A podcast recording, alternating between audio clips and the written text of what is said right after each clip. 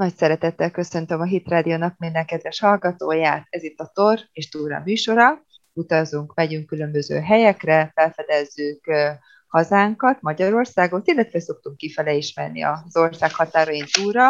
A mai napon úgy gondoltam, hogy egy nagyon szép kis várossal ismerkedjünk meg, ami nem más, mint Eger. Ugye Eger az, amit általában már az iskolában meg kell, hogy ismerjünk az egri csillagok miatt, és hát nagyon sokszor osztálykirándulásokat is szoktak oda szervezni, és szerintem tényleg egy olyan város, ahol annyi minden van, annyi mindent lehet csinálni, hogyha most ugye jobb idő lesz, hát reméljük, hogy most már egyre szebbek lesznek a napok, és többet fog sütni a nap, akkor, akkor tényleg egy jót lehet sétálni, de hogyha nagy meleg van, akkor lehet strandolni. És hát azért kulturálisan is rengeteg-rengeteg dolog van, amit meg lehet nézni, valamint múzeumok vannak. Úgyhogy a mai napon is egy vendégem van, Benkő Katalin, idegenvezető. Nagy szeretettel köszöntelek, Kati. Én is szeretettel köszöntök minden kedves hallgatót, és köszönöm a meghívást. Örülök, hogy ismételten velünk vagy, ugye Szentendrét már együtt bejártuk, és akkor most nézzük meg ezt a, ezt a helyes kis város Eget, és szerintem kezdjük el, Kati, onnan a Várhegyről, ahol a várat fölépítették, és a történetéről, hogy hogyan alakult ki maga Eger. Igen, a fekvése elég kedvező, mert ugye kicsit nyugatabbra van a, a bükk vonulata, nincs messze a Mátra, igazából Eger nem messze fekszik attól az úgymond hadak útjától, illetve a későbbi kereskedelmi útvonaltól, ami a keleti területeket összekötött a Dunával, vagy Budával, vagy lehetett tovább menni Pozsony, Bécs irányába, vagy északra a bányavárosok felé, vagy Kassa irányába, vagy délre, a déli területekre. Tehát ilyen szempont szempontból nagyon kedvező volt, és a földrajzi fekvése is olyan, hogy az Alföld és a hegyvidék, illetve ezek a kis lankás dombok találkoznak, és megfelelő védelmet is nyújtott a kora középkorban, amikor ez fontos volt a Várhegy. Ennek a lankás ilyen domnyúlványnak az egyik része, hát nem túl magas, de arra jó volt, hogy a környező területeket egy kicsit szemmel tarthassák, és ezért teljesen adta magát a helyzet, hogy a 11. században valószínűsítik, hogy még Szent István király idejében ezen a Várhegyen építkezés kezdődött, ugyanis amikor a püspökségeket, vármegyéket szervezték az állami alapítás korában, akkor Szent István arra törekedett, hogy a honfoglaláskori nemzetségeknek a területeit, ha lehetséges, akkor vonja be a saját családi birtokainak a körébe, és ott alapította püspökségeket, ahol neki valamilyen rokonsága volt, tehát az egyik növérét Java Sámuel nevezető, később megválasztott, rövid időre megválasztott magyar király vette feleségül, és így ennek a területnek a, a felügyelete is a királyi családhoz került, tehát így már adódott ez a lehetőség, hogy akkor a király itt egy település szervezzen, és ezen a Várhegyen kezdődött meg annak a püspöki rezidenciának a kiépítése, ami hát akkor természetesen több mint ezer évvel ezelőtt sokkal szerényebb volt, mint amit elképzeljük, de mégis egy falal körülvett várhegyet képzeljünk, aminek a belsejébe épült egy háromhajós templom, római katolikus templom volt, egy püspöki palotának nevezhető, inkább lakótorony, de, de volt azért egy ilyen püspöki rezidencia, Tulajdonképpen Szent Istvánhoz kötik ezt az alapítást, és még azt is mondják, illetve az is fennmaradt az a legenda, hogy a szomszédos dombról figyelt az építkezéseket, de ennek semmiféle írásos forrását nem találjuk. Valamivel később, negyedik Béla idején, a 13. század közepén ott már források említik Eger püspökségét, mint Szent István által alapított püspökséget, tehát ez egy ilyen visszavetett dokumentálás. A régészek és a történészek valószínűsítik, hogy a nagyobb építkezés a 11. század vége felé első László, illetve Szent László királyunk idejében egy kicsit felgyorsult, illetve nagyobb építkezések kezdődtek. Ezt a régi püspöki várat viszont a tatárjárás során elpusztították, tehát gyakorlatilag nulláról kezdték a 13. században, negyedik Béla várépítési hullámát természetesen Egerben is folytatni kellett, és akkor kezdődött meg egy, egy erősebb várnak a kiépítése. Lambert püspök nevéhez kötődik az akkori építkezés, de a kiterjedés ennek a rezidenciának a kiterjedése körülbelül annyi lehetett, mint a korábbi, a tatárjárás előtti, és amit biztosan tudunk, a 15. században Mátyás király idején egy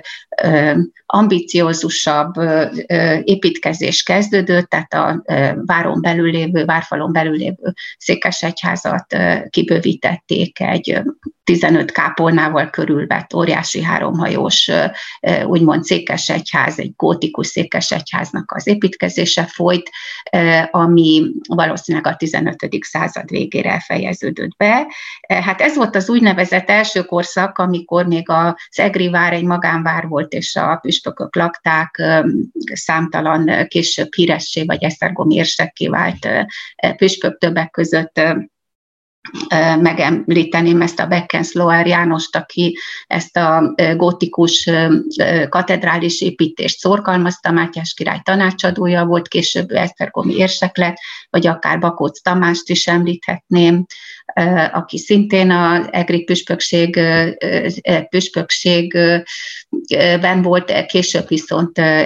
illetve előbb volt Egri püspök, és később pedig Esztergomi érsekké vált, tehát volt egy érdekes csere is, mert általában úgy volt, hogy az egri püspökök lettek később esztergomi érsekek, tehát felfelé nevezték ki őket, de volt egy fordított irányú, mégpedig Mátyás király idején, amikor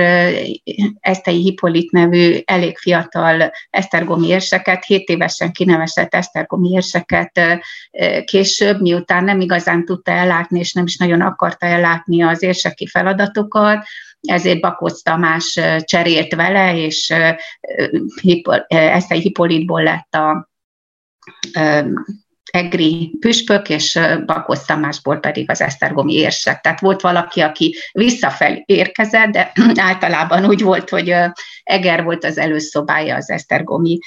érsekségnek. Tehát ez volt az első korszak, aztán Mohács után ugye felmerült, hogy ezeket a meglévő végvárakat meg kellene erősíteni, és akkor a püspök magánvárából a király fennhatósága alá került elég fontos végvár lett, ugyanis az északabbra lévő bányavárosokat, Selmec, Körmözbánya, Rudabánya, ezeket az északi felvidéki területeket nagyon jó lehetett volna ebből a várból védeni, tehát kulcsfontosságú volt az Egri vár, és miután katonai fennhatóság alá került, ezek után már a püspöki építkezések, tehát többek között ez a nagy katedrális vesztettek a jelentőségükből, sőt, felhasználták az itt lévő korábbi anyagot a vár megerősítésére, például ennek a korábban épített hatalmas gótikus Székesegyháznak a hátsó szentélyéből bástyát alakítottak ki, vagy lőporaktárnak használták, tehát megváltoztak a váron belül lévő épületeknek a funkciója. A lényeg az volt, hogy megerősítsék a várat, mert Mohács után számítani lehetett nagyobb támadásokra, és itt ugye már el is érkeztünk az 1552-es dobóféle, illetve az egri csillagokba olyan szépen megénekelt ostromhoz, aminek azért volt némi előzménye. Gárdonyi Géza megpróbált teljesen, teljesen hű lenni ehhez a történethez, de természetesen voltak benne olyan dolgok, amik a történelemben másképp játszottak le. Uh-huh. Uh, mielőtt még folytatjuk itt a második részével, a, a, igazán amikor történt a, a maga a csata, még azért azt szerintem érdemes megemlítenünk, hogy maga a vár az közben jóval nagyobb lett, tehát hogy ennek a mérete igencsak kiterjedt, tehát most amit látunk a mai nap, hogyha meglátogatjuk a várat, akkor csak az egy harmadát lehet látni annak a várnak, ami a 16. században már kiépült, tehát egy sokkal nagyobb várat kell elképzelni, tehát még ott fölfele is ment így a domboldalra, úgymond ez a vár, és, és hát ahogy említetted ezt a, a, ezt a püspöki palotát, ennek a, a, a része, ami a legrégebbi része magának, ami megmaradt az egész várban, ami az 1470-es 70-es évekből származik, tehát ugye inkább aztán későbbi dolgokat láthatunk. És aztán ugye, ahogy mondott, hogy 1552 volt egy óriási fordulat, és igazán ezt tette híresi magát az egri várat is, és, és szerintem akkor tényleg térjünk rá egy kicsit egyre a csatára, mert ez egy nagyon érdekes ütközet volt a törökök és a magyarok között. Igen, visszatérve az előzőre, amit említettél, volt egy úgynevezett külső vár, ami ma már nem létezik sajnos, mert ezt a török, török hódoltság után, török harcok után 1701-ben felrobbantották, illetve lebontották, köveket széthordták, tehát hogyha szemben állunk a Dobótér vagy az Egerpatak felől a várral, akkor ez a külső vár, ez egy kicsit úgy jobbra, és a dombon valóban a, szék, a Székesegyház romrai háta mögött terült épült el, úgyhogy a külső és belső vár között volt egy mélyebb árok, amit föld alatti kazamaták kötöttek össze, tehát volt átjárás, tehát például a csata alatt a külső vár védelmét teljes egészében Bornemisza Gergelyre bízták, a belső várat pedig Nekcse István a helyettes várkapitány vitte. Sajnos ebből a külső várból már csak egy-két faldarab maradt meg, tehát amit most látunk, az körülbelül az a vár lehetett olyan nagyságban, ami a törökkor előtti, vagy az 1552-es csata előtti kiterjedés lehetett. A csatára, hogyha rátérünk, egy kicsit az előzményeiről beszélnék, mert ez talán érdekes. Tehát itt alapvető különbségek voltak a török hadsereg és a magyarországi vagy európai hadsereg verbuválása között már körülbelül februárban, márciusban elkezdték gyűjteni az oszmán hadsereget, tehát ott mindent a szultán irányított, teljesen központilag rendelték el a különböző hadtesteknek az összehívását. Edirne az akkori Dinápoly volt ennek a gyülekezésnek a központja. Tehát elég korán már az év elején vagy tavasszal lehetett tudni, ugye a kémek és a diplomáciai hírek útján, hogy egy nagyobb hadjáratra készülnek, hova készülnek, Ugyanakkor Európában más volt a rendszer, itt a katonákat úgy kellett verbuválni, hogy előbb a pénzt kellett megszerezni, és ez is az utolsó pillanatig bizonytalan volt, tehát nem csak a királytól, hanem például a német-római birodalomban a választófejedelmeknek a hajlandóságától is függött, hogy mennyi pénzt adnak, vagy a pápa, vagy távolabbi országok, esetleg az angolok, vagy német alföldiek, tehát ők mondjuk elég messze voltak, úgyhogy annyira nem akartak adakozni, a pápa presztízsből és vallásjogokból nagyobb összegeket adott, de sokszor előfordult például egy-egy hadjárat egy, előtt, hogy egy magyar esztergomi érsek nagyobb összeget áldozott mondjuk a hadjárat során a katonákra vagy a védelemre, mint amennyit a pápa küldött. Tehát ennek a sok húzavonának és szavazásnak beleegyezek, nem egyezek, ennek az lett a vége, hogy az utolsó pillanatig nem állt rendelkezésre a pénz, katonácsoldosokat viszont akkor lehet szervezni, ha megvan a pénzem, akkor tudom, hogy mennyit hívok, hogyan hívok. Igen. Tehát Dobó Istvánnak itt körülbelül egy évvel az ostrom előtt neveztek ki, és aki már felkészült, mert a várat megerősítette, és úgy nagyjából átgondolta, hogy nem nagyjából, pontosan átgondolta, hogy hogyan, hogyan is készüljenek. Ő szeretett volna legalább egy olyan 4-5 ezer főnyi zsoldos hadsereget tehát jól képzett, fizetett katonákat, akik értenek a hadászathoz, begyűjteni a várba. Na most ehhez képest sikerült neki 1800 embert gyűjteni.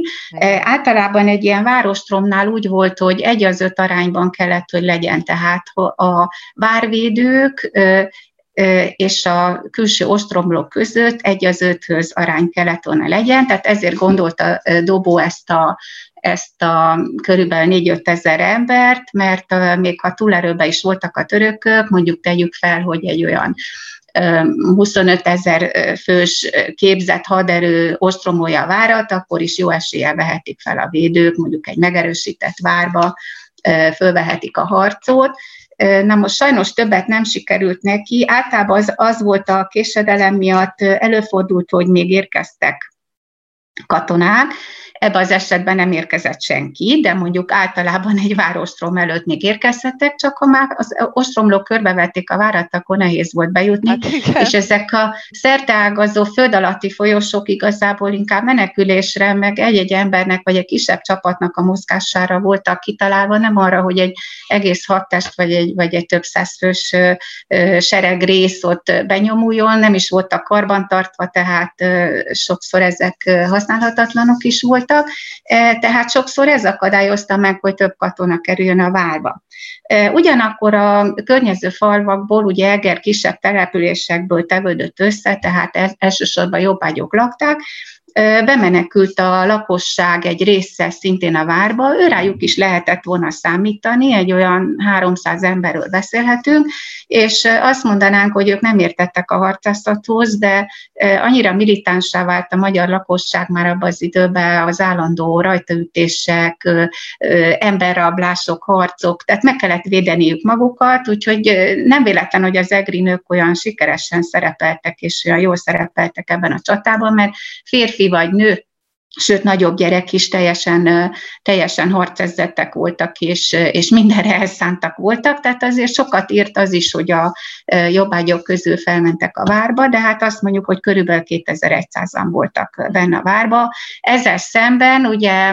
mi korábban azt tanultuk, hogy egy 100 ezer fős sereg érkezett, hát mondjuk egy olyan 75 ezer fős török sereg megérkezett, de ennek legalább a fele, ha nem a kétharmada, azokból a kiszolgálókból tevődött össze, fegyverhordó, ilyen-olyan iparos, szakács, stb., akik ezt a hatalmas sereget kísérték, hogy az napi ellátásukat biztosítsák, tehát akik megostromálták a falat, és ténylegesen az ostromban részt vettek, azok, azok azért nem 75 ezeren voltak, hanem jóval kevesebben. Tehát bezárult.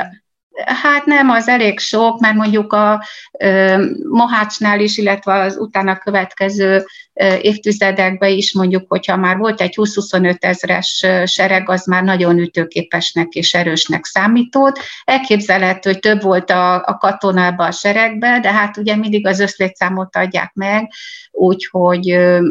hát vegyük egy olyan 25 ezer főre, tehát magukat a, magukat a harcosokat. Na most, mikor ők már tábort ütnek, akkor oda már nagyon nehezen lehet beférkőzni, úgyhogy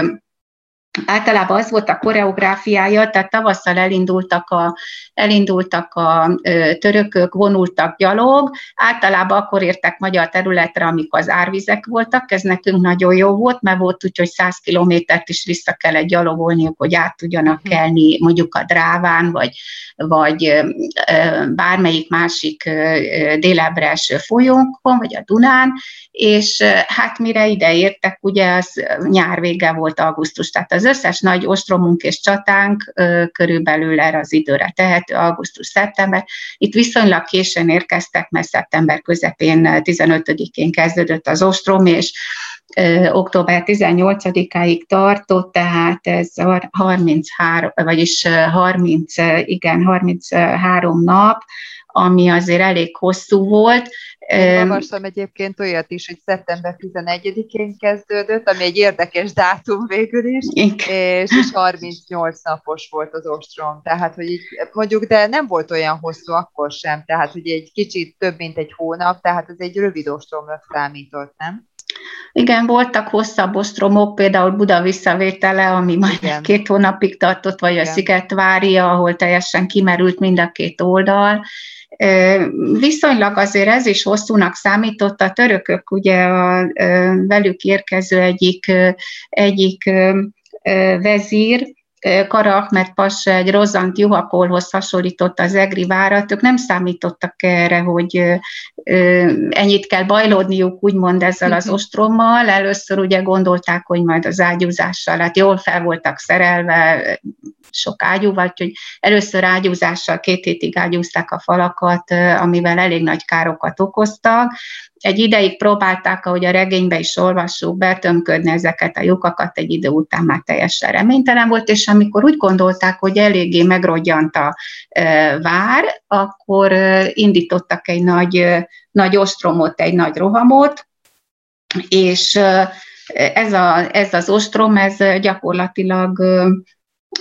nem vezetett eredményre, úgyhogy utána próbálkoztak csellel, tehát megpróbáltak aknákat telepíteni, betömködni az árkokat, átjutni a külső várfalain, úgyhogy esetleg helyi robbantásokkal be tudjanak jutni a várba. Sikerült is nekik az egyik, egyik kaputoronyba bejutni, már a zászlót is kitűzték, de dobó szétlövett a tornyot, úgyhogy hát megharapták az egyik újukat, mondjuk úgy, de az összeomló torony magálát emette az ostromlokat, úgyhogy ezzel sikerült ezt az ostromot is visszavenni, visszavetniük és hát miután ők nem álltak annyira jól, tehát a védők nem álltak annyira jól a puskaporral, meg a felszereléssel, meg az ágyukkal, ezért például nagyon jó szolgálatot tett Bornemisza Gergely, aki mindenféle trükkös,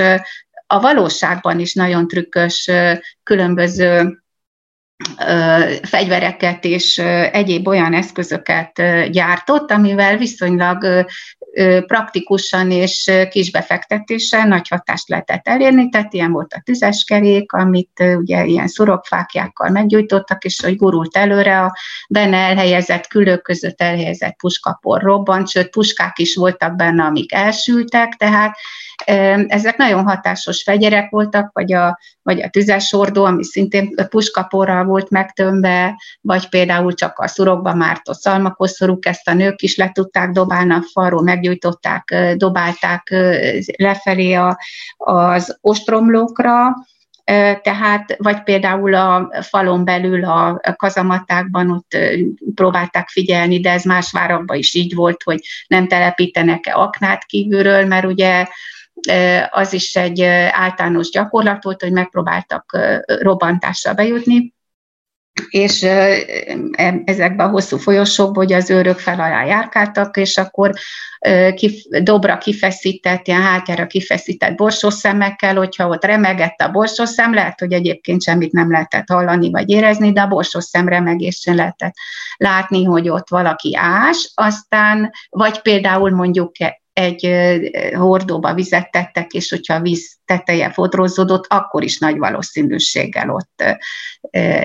aknát telepíthettek kívülről. Csak annyit tennék hozzá, hogy még a mai napon is, hogyha valaki meglátogatja az Egri várat, akkor ott lehet ezeket látni. Tehát ki vannak rakva szemléltető eszközként, hogy el tudjuk képzelni, hogy ez hogy működött. Tehát, hogy ez nagyon jó pofa szerintem, hogy azért megpróbálták olyanná tenni ezt a, ezt a várat, hogy könnyű legyen elképzelnünk, hogy milyen volt a 16. században a védelem. Igen, szerintem a kazamatta látogatás a legizgalmasabb rész, hogyha bemegyünk a várba, mert ott is számtalan kiállítás, te, kiállítást tekintettünk Igen. meg, de szerintem, ha például gyerekekkel megyünk, de felnőtteknek is el tudjuk képzelni, hogy milyen volt ezeken a szűk folyosókon átcsoportosítani az embereket,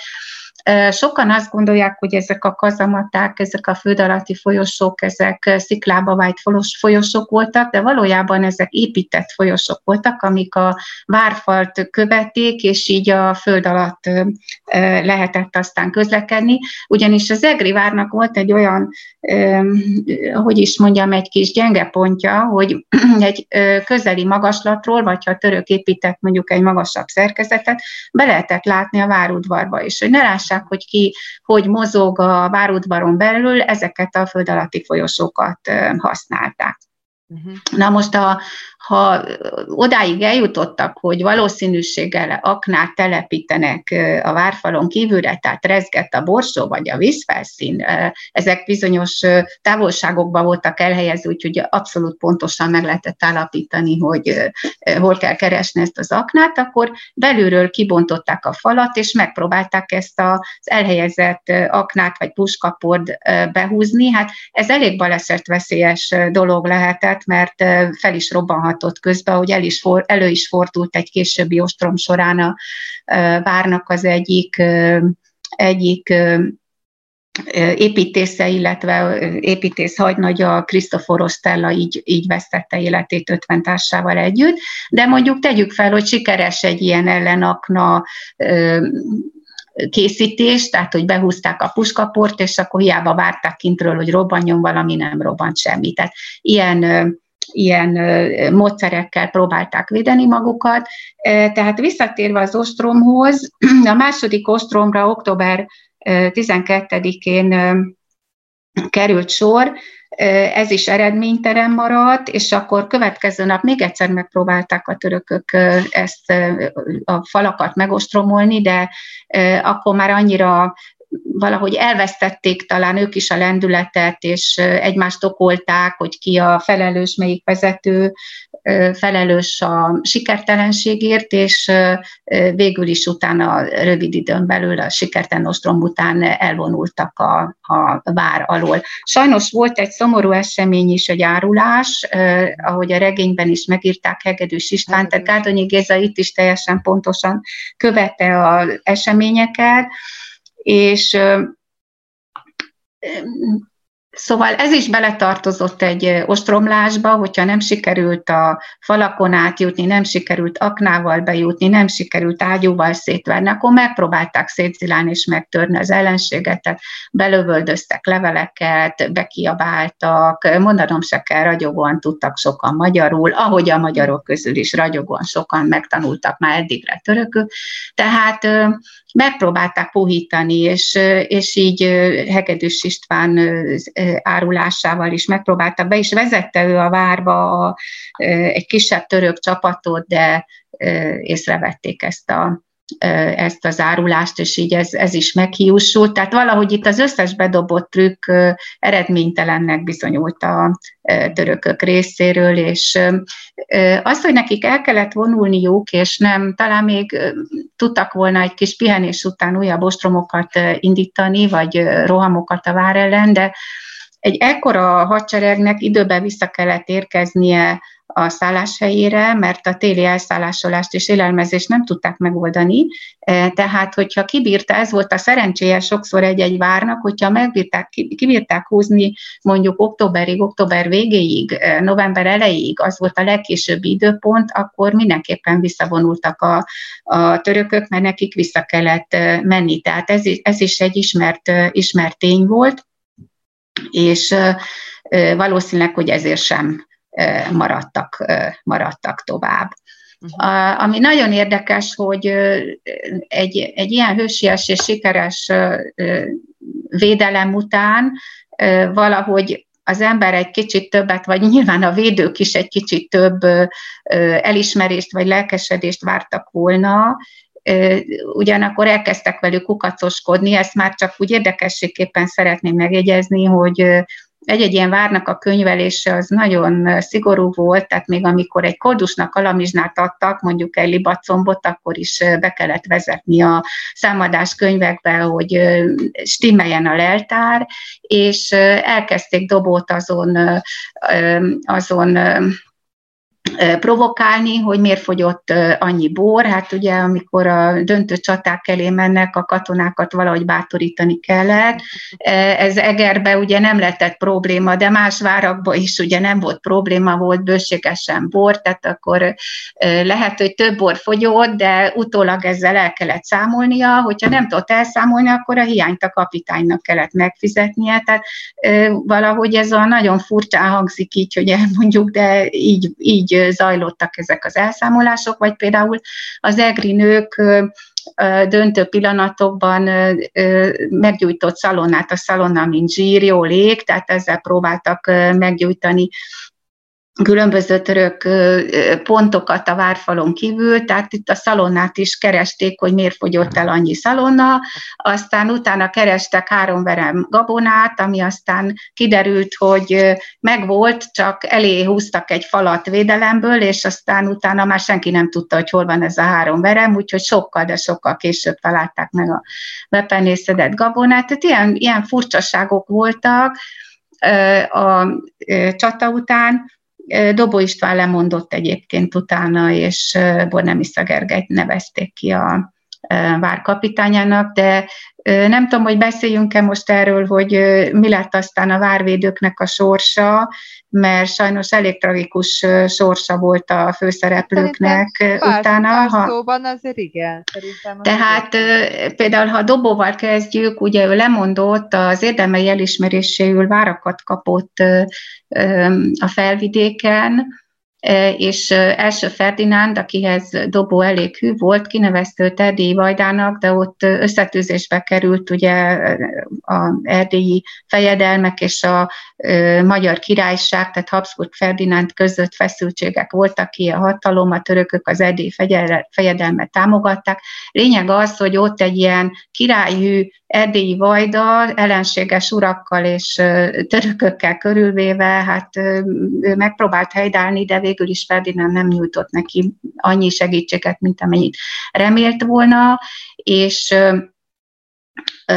tehát ez sikertelen volt ez a tevékenysége. Most még tudni kell róla, hogy egy nagyon kellemetlen perbe keveredett még a csata előtt, az 52-es csata előtt, és általában ugye az emberek végigpereskedték akkor az életüket, de ez a per, ez a szomszédjával, szomszéd birtokossal folyt egy erőszakos foglalás ügyében, tehát Dobó erőszakoskodott a szomszédjával. Lényeg az, hogy a szomszéd birtokos nem hagyta magát, volt egy kis hátszele az ország nádorától, tehát lényeg az, hogy ez a per nem ült el, őt elvileg halára ítélték, de ezt a halálos ítéletet felfüggesztették, tehát úgy ment az Egri várba, hogy, hogy egy felfüggesztett halára ítélt kapitány volt, utána persze nem hajtották végre nyilván ezt az ítéletet, sőt, még bárói rangra is emelték, de aztán ennek a pernek mindig újabb és újabb hullámai vetődtek, és kétszer is letartóztatták a per miatt dobót, mind a kétszer megszökött, egyszer 50 pluszosan, tehát 50 fölött, egyszer meg 60 éves is elmúlt már, amikor megszölt. Gyakorlatilag a, utána újra elfogták, és szinte élete végéig börtönbe volt, csak azért engedték ki, mert már annyira rossz állapotban volt, hogy rövid idő után meghalt, tehát neki nagyon rosszul alakult a sorsa, Bornemisza Gergelyt pedig rövid időn belül a török törbe csalta, és elvitték Konstantinápolyba, ahol a hét toronyba, a Jedikulébe zárták, ami egy hírhet börtön volt, szinte senki nem tudott onnan kiszabadulni. Arra próbálták rá, igen, Isztambul, és arra próbálták rávenni, hogy árulja el a várnak a gyenge, illetve erős pontjait, a stratégiai titkos információkat adjon át, erre nem volt hajlandó, úgyhogy felakasztották, pedig próbálták Magyarországról diplomáciai úton őt kiváltani, vagy, vagy kiszabadítani. És Megcse István sem járt túlságosan jól, mert sőt, nagyon rosszul járt, mert a, várból, mikor hazafelé ment volna a birtokára, akkor az egyik faluban Várkonyfaluban szekeret és tűzifát követelt a jobbágyoktól, akiknek valószínűleg már annyira elegük lehetett ebből az állandó rekvirálásból, és ezt adjunk, azt adjunk, hogy egyszerűen megölték őt, tehát baltával fejbeverték, dárdával leszúrták, ami megint csak arra mutat, hogy mennyire militáns lehetett a hangulat és a, és a közeg az akkori, akkori Magyarországon. Igen, igen. Uh-huh, uh-huh. Szerintem tényleg Gárdonyi nagyon jól leírja a részleteket, hogy ez az egész hogy ment, tehát hogy így, így szerintem nagyon jól bele tudja élni az ember magát az eseményekbe. Meg nekem az nagyon tetszik, hogy azt írta, hogy az igazi erő nem a falakban, hanem a lelkekben van. Hogy valóban itt annyira számított, hogy, hogy az embereknek milyen volt a hozzáállása itt a csata alatt hogy mennyire küzdöttek, hogy megvédjék ezt a, ezt a várat, és hát azért mennyire borzasztó, hogy ilyen végük lett ezeknek a kitűnő embereknek, tényleg Dobónak is, meg Bornemisszának is, pedig ők hogy védelmeztek, hogy harcoltak tényleg, hogy ezt a várat meg tudják védeni. Igen, hát tulajdonképpen ezzel a, ezzel a regényel nem csak, hogy óriási népszerűséget és óriási jó hírnevet szerzett az egri védőknek Gárdonyi Géza, hanem az egész ország ismeri, tehát nincs szerintem Magyarországon, főleg, hogy kötelező olvasmány még mindig az egri csillagok, hála Istennek, de, de annyira annyira a hazaszeretetre nevelt, tehát az egész Igen. fogalmazásával, és valóban így van, mert aztán később, amikor sajnos a töröknek sikerült Egervárát bevenni a 16. század végén, 1596-ban, ott pontosan a fordítottja történt, tehát gyengekező várkapitány, nem bírja összetartani a csapatot, idegen zsoldosok, németek, vallonok, mit érdekli őket, csak a pénzért dolgoznak, a zsoldjukat sem mindig kapták meg, akkor visszaéltek, egymástól loptak, és ott már nem volt meg ez az erő, tehát ott, ott hiába lett volna, megerősítették a várat, okulva az 1552-es csatából, megerősítették a várat, új fülesbástyákat építettek, megerősítették a külső-belső várnak a falait, tehát nem lehet mondani, hogy igen. A várfalakban nem volt erő, viszont azt le lehet mondani, hogy a védőkben nem volt erő. Tehát egy roham, rohammal be, bevették, úgyhogy már nem beszélünk annyit erről a csatáról, vagy erről az ostromról, mert ez nem volt annyira dicsőséges, hmm. de mondjuk azt hiszem, hogy ahogy Kossuth Lajos is mondta, amikor a szabadságharc alatt Egerbe jött, hogy Egerben nem hirdetni, hanem tanulni kell a hazafiságot, és ebben nagyon is igaza volt. Igen. Egyébként Gárdonyi nagyon alaposan felkészült erre, mert még Isztambulba is elment, és elment a Jedikuléba, a Héttoronyba, tanulmányozta a ruhákat, a viselkedést, a történelmet, tehát nagyon-nagyon aprólékosan a várvédőknek, a főszereplőknek az életét, a karakterét, tehát nagyon azt mondjuk, hogy egyedül a szerelmi történet az a kitalált, bár illetve a Jomorcsák, a Jomorcsák is egy fiktív figura, de végül is ettől csak még érdekesebb lesz. Tehát ő hozzátette az írói fantáziáját, de egyébként, ami a történelmi tényeket illeti, azon, ahhoz nagyon-nagyon pontosan ragaszkodott. Uh-huh. És ugye őnek is ott van a sírja az Egri várnak a falain belül, tehát hogy ő igen, hát Gárdonyi Géza az utolsó, 20, életének utolsó 25 évét Egerben töltötte, a vár közelében vásárolt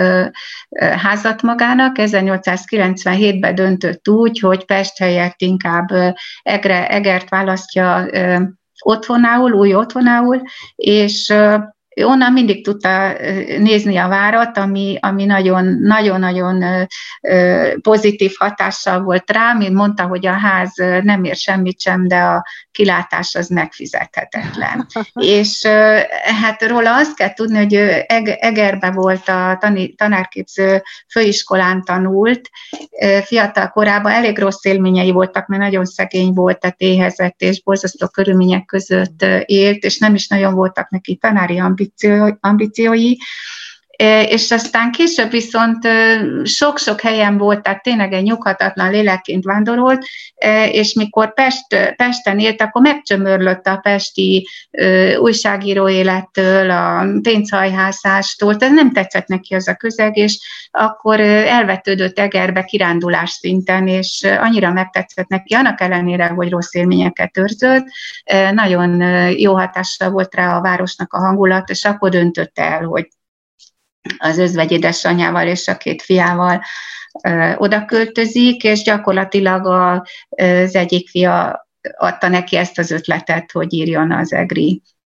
Egri várostromáról, mert valami nagyszabású történelmi könyvet akart írni, egy nagyobb regényt, egy eposzt, de először Attiláról, tehát voltak különböző elképzelései, és akkor a kisfia, amikor úgy bejárták az Egri várat, kérdezősködött Bornemisza Gergelyről, erről arról ők is tanulták az iskolába az Egri, Egri várostromát, és és akkor abban maradt, hogy akkor az Egriváról fogja írni, illetve Bornemisza Gergely volt a kulcsfigura. Azt szeretném még elmondani az olvasást kedvelő hallgatóknak, hogy készült egy másik könyv, Nemes János Egri Harangok című könyve, ami Bornemisza Gergelyről szól, tehát in memoriam Bornemisza Gergely, és az ő utóéletéről, tehát az 1552-es ostrom utáni sajnos elég rövid éveiről szól, úgyhogy ezt is érdemes elolvasni, hogyha valaki még, mhm. még többet szeretne megtudni erről a témáról. Meg szerintem az is fantasztikus, hogy Gárdonyinak a könyvét nagyon sok nyelvre is lefordították, tehát nem csak a magyaroknak lett ez egy fontos könyv, hanem németül, angol, nem is tudom, 30 nyelve, vagy valami ilyesmit. Igen, igen, 30 közeli nyelvre, igen. még rovásírásos változata is van, meg kínai, meg esperanto, meg mindenféle, mindenféle nyelven, még a törökre is lefordították elég későn, mert mondjuk azok az irodalmi beszámolók, vagy azok a történelmi beszámolók, amik mondjuk az oszmán hadsereg kudarcairól szólnak, azok a mai napig nem túl népszerűek mondjuk a török kollektív tudatban, tehát ezt is, de lefordították törökre is, tehát, uh-huh. tehát minden elképzelhető nyelvre lefordították, és 2005-ben volt egy felmérés, a nagy könyv címen, és az Egri csillagok lett a legolvasottabb magyar könyv, tehát ugye teljesen logikus, mert szerintem ezt a regény mindenki igen, ismeri. Igen, igen, igen. Meg hát ugye a Gárdénak ott van az emlékmúzeuma is, tehát ugye azt is meg lehet nézni, és az is érdekes. És akkor ugye mondtuk, igen. hogy 1596-ban ugye elfoglalták, és akkor ugye 91 éven keresztül török kézen volt az egész város, meg hát maga a vár is, és, és hát ugye nem csak a törökök rombolták le, hanem ahogy említetted, hogy a Habsburgok is rombolták ezt a várat utána, és hát ez sajnálatos, hogy tényleg a váraink ennyire rossz állapotban vannak a mai napon, mert, mert a Habsburgok nem engedték ezeket a várakat igazán, hogy jó állapotban maradjanak nem akarták, hogy ellenállók fészkévé várjanak ezek a megerősített várak, tehát a török hódoltság utáni békekötéseknél úgy tűnt, hogy ez most valóban egy tartós megmenekülés lesz, egy tartós béke, és viszont 1703-ban elkezdődött a, a Rákóczi féle szabadságharc, és akkor a váraink egy része akkor esett áldozatul ennek a nem a szabadságharcnak, de a Habsburgok nem igazán szerették volna, hogyha ezek ilyen jó kis támaszpontokká válnak, és a legfontosabb és kulcs, kulcspozícióban lévő várainkat akkor robbantották föl. Tehát Eger várát úgy tudom, hogy 1701-ben már korábban egy részét legalábbis a külső várat, de lényeg az, hogy egyáltalán nem törődtek vele, tehát se állag megóvás nem volt a 18. században, sőt, az egyik egri híres püspök, Eszterházi Károly, akiről biztos beszélni fogunk még később, megvásárolta a várat, mert a köveket akarta felhasználni egyéb építkezésére, tehát nem csak a rombolás, hanem hanem a széthordás is egy nagy probléma volt a 18. és főleg a 19. század folyamán, tehát a műemlékvédelem az csak jóval később kell, a 19. század közepetáján uh-huh. kezdődött, illetve egy kicsivel később is, tehát addigra azért nagyon sok mindent lehetett lehetett rombolni, és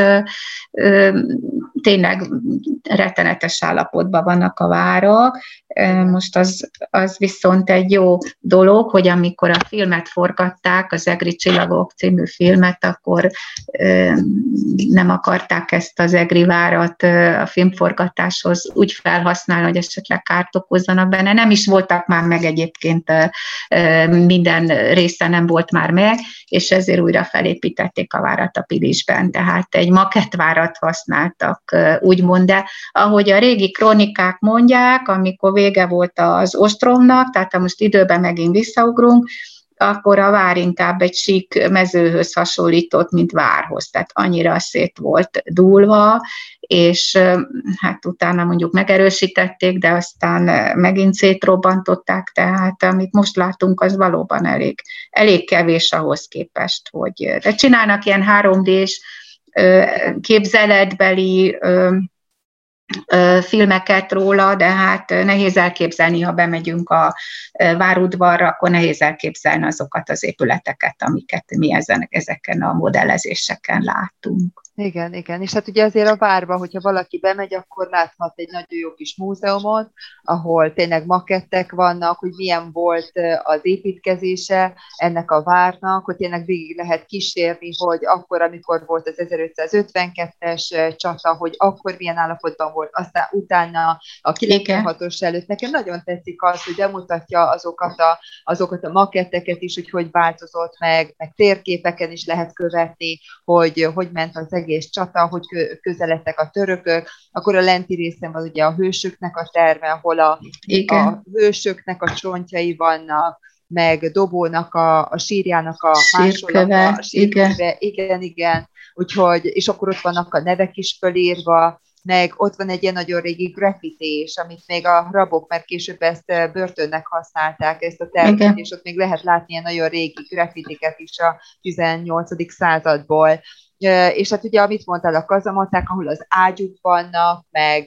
meg, meg hát lehet látni ezeket a hatalmas üstöket, amiket ezek az asszonyok Igen. használtak, hogy ugye a forró vizet a törököknek a fejére öntötték, vagy szurkot, tehát hogy azért ez is annak idején még, mikor csoporttal voltam, akkor még meg lehetett emelni ezeket, és direkt mondtam a turistáimnak, hogy na, jöjjön ide két nő, és emelje meg és csak üres állapotban, úgyhogy rám néztek, hát ennek volt súly, és most képzeljék el, hogy mondom, ez tele volt, mondom, akár levessel, vagy szurokkal, vagy bármivel. Tehát, hogy valóban ezek az egri nők, ezek erős nők voltak. És akkor Kepi szerintem még, bár fogy az időnk, úgyhogy lehet, hogy jó lenne, hogyha most a, a, az egri várat egy részbe is, hogyha benne vagy lenne egy igazi egri séták, amikor a nevezetességeket is bejárjuk, nem biztos, hogy lesz rá időnk, és szerintem még az egri bikavért említsük meg, hogy hogy kapcsolódik a története magához, az egri várhoz, illetve az ostromhoz.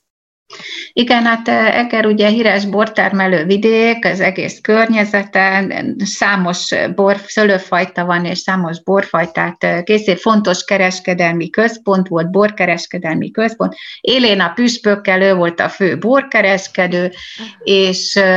Hát, ahogy említettem, ugye a várat bőven ellátták borral ostrom idejére, egyrészt, hogy legyen mit inni, másrészt, hogy legyen mivel bátorítani a katonákat adott esetben, és hát a török ugye utólag hibáztatta, meg ürügyet keresett, magyarázatot keresett, hogy, hogy lehetne kimagyarázni magát, magukat, hogy miért nem sikerült ez az ostrom, és a döntő csata előtt való igaz, hogy Dobó vagy a mindenkori kapitány egy másik várban bort vitetett körbe, és általában akkor a férfiak szakált viseltek, a szakáluk ruhájuk a gyors kupából való borivástól, hát ugye vörös lett, vörösre festett ez a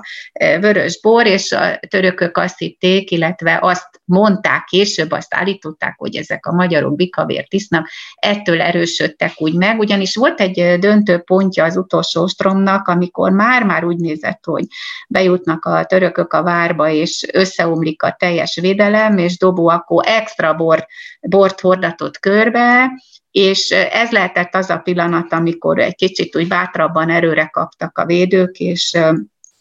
talán ezt láthatták a törökök. Az is lehet, hogy ez egy legenda, mert ugyanakkor az ilyen, mindig vannak ilyen mese ellenesek, akik kiderítik az igazságot, hogy az nem is úgy volt, meg á, az nem is volt így, és hát vannak, akik azt mondják, hogy a 16. század után a betelepülő balkáni menekültek hozták azt a kadarka fajtát, ami most az egri bikavérnek az zömét mondjuk 70%-át kiteszi, és hogy előtte csak fehér bor volt, hogy ez az egész csak egy legenda, de szerintem ez egy nagyon jó legenda, és valószínűleg, hogy valamit ittak, és valami volt, mert a legendák is csak úgy alakulnak ki, meg a különböző regék, hogyha van valami valóság alapja, tehát maradjunk mi ebbe, az egri bikavér az erőt adott a e, katonáknak. Egyébként e, a török oldalon is próbálták erősíteni a katonákat, csak ugye az iszlám tiltja a borivást, ők kábítószert kaptak, persze nem nagy mennyiségben, de hasist kaptak rendszeresen, tehát amit a magyar katonák bor, borban kaptak bátorítón, erősítőül vagy gyorsítóul, azt megkapta a másik oldal is, hát adott esetben, úgyhogy szerintem ez is nagyon érdekes, hogy Igen. mindegyik oldal próbált, hogy ne futamodjanak meg, ne reszkessenek, ne féljenek annyira, mert nyilván egy csata előtt azért nem volt nyugodt a nép, úgyhogy ö, ott is bátorították őket, de visszatérve az Egri Bikavére, ö, nem csak a legenda, de a minősége miatt is Eger egyik védjegye, tehát már gyógybor, már egy védett bornak számít, és a, körülbelül 70%-át teszi ki ez a kadarka szőlőből készült nedű, és akkor még medok van benne, meg kékfrankos, tehát gyakorlatilag három szőlőfajtából készül a, az egri bikavér, ami az egyik legtestesebb és legerősebb vörösborunk, tehát országos szinten is. Később pedig hát mondjuk ez a borfajta, meg a többi, többi egri borfajta, tehát van vörös is, van, van fehér is, számtalan, ez egy nagyon fontos árucikké vált, tehát a török hódoltság utáni időszakban pontosan a bor volt az, ami megteremtette az anyagi alapját annak, hogy Eger, mint barokváros, vagy mint kultúrközpont, vagy mint püspökség, később érsekség, meg meggazdagodjon és, és tudja finanszírozni a későbbi fejlődését. Uh-huh, uh-huh. Egyébként nekem is nagyon tetszik ez a történet, így az Egri Bikavére kapcsolatban, én is még a turistáimnak ezt szoktam elmesélni, mert, mert ez, ez tényleg annyira hozzá köthető ehhez a csatához is, meg én, én tényleg el tudom képzelni, hogy ahogy így itták a férfiak, hogy nagyobb erőre kaptak, és így jobban tudtak harcolni. És, és hát valóban az, hogy itt vörösöt minden a szakálukon, a bajszukon, meg mindenhol, hogy, hogy tényleg, hogy az a begyomások a törököknek, hogy ú, hát ez valami más, amit fogyasztanak. És, és szerintem is egy nagyon-nagyon jó kis tényleg védjegye magának Egernek, még amit mondtál, hogy, hogy az egyházhoz tartozott hozzá, hogy nagyon érdekes, hogy például annak idején a tizedet, a désmát, azt is, azt is borban kellett, vagy ki lehetett fizetni. Tehát, hogy nem csak a bor Igen. után, hanem más után is borba lehetett lerendezni, úgymond az egyház felé a, a, a désmát, a tizedet. Tehát ugye ez is egy ilyen érdekesség. Hát, hogy nem, mert a, a, a püspök vagy a, a dézsmát beszedő mindenkori egyházi méltóság utána eladta, eladta a bort, tehát meg volt a bevétele, Igen. folyamatosan ebből értek, ebből, ebből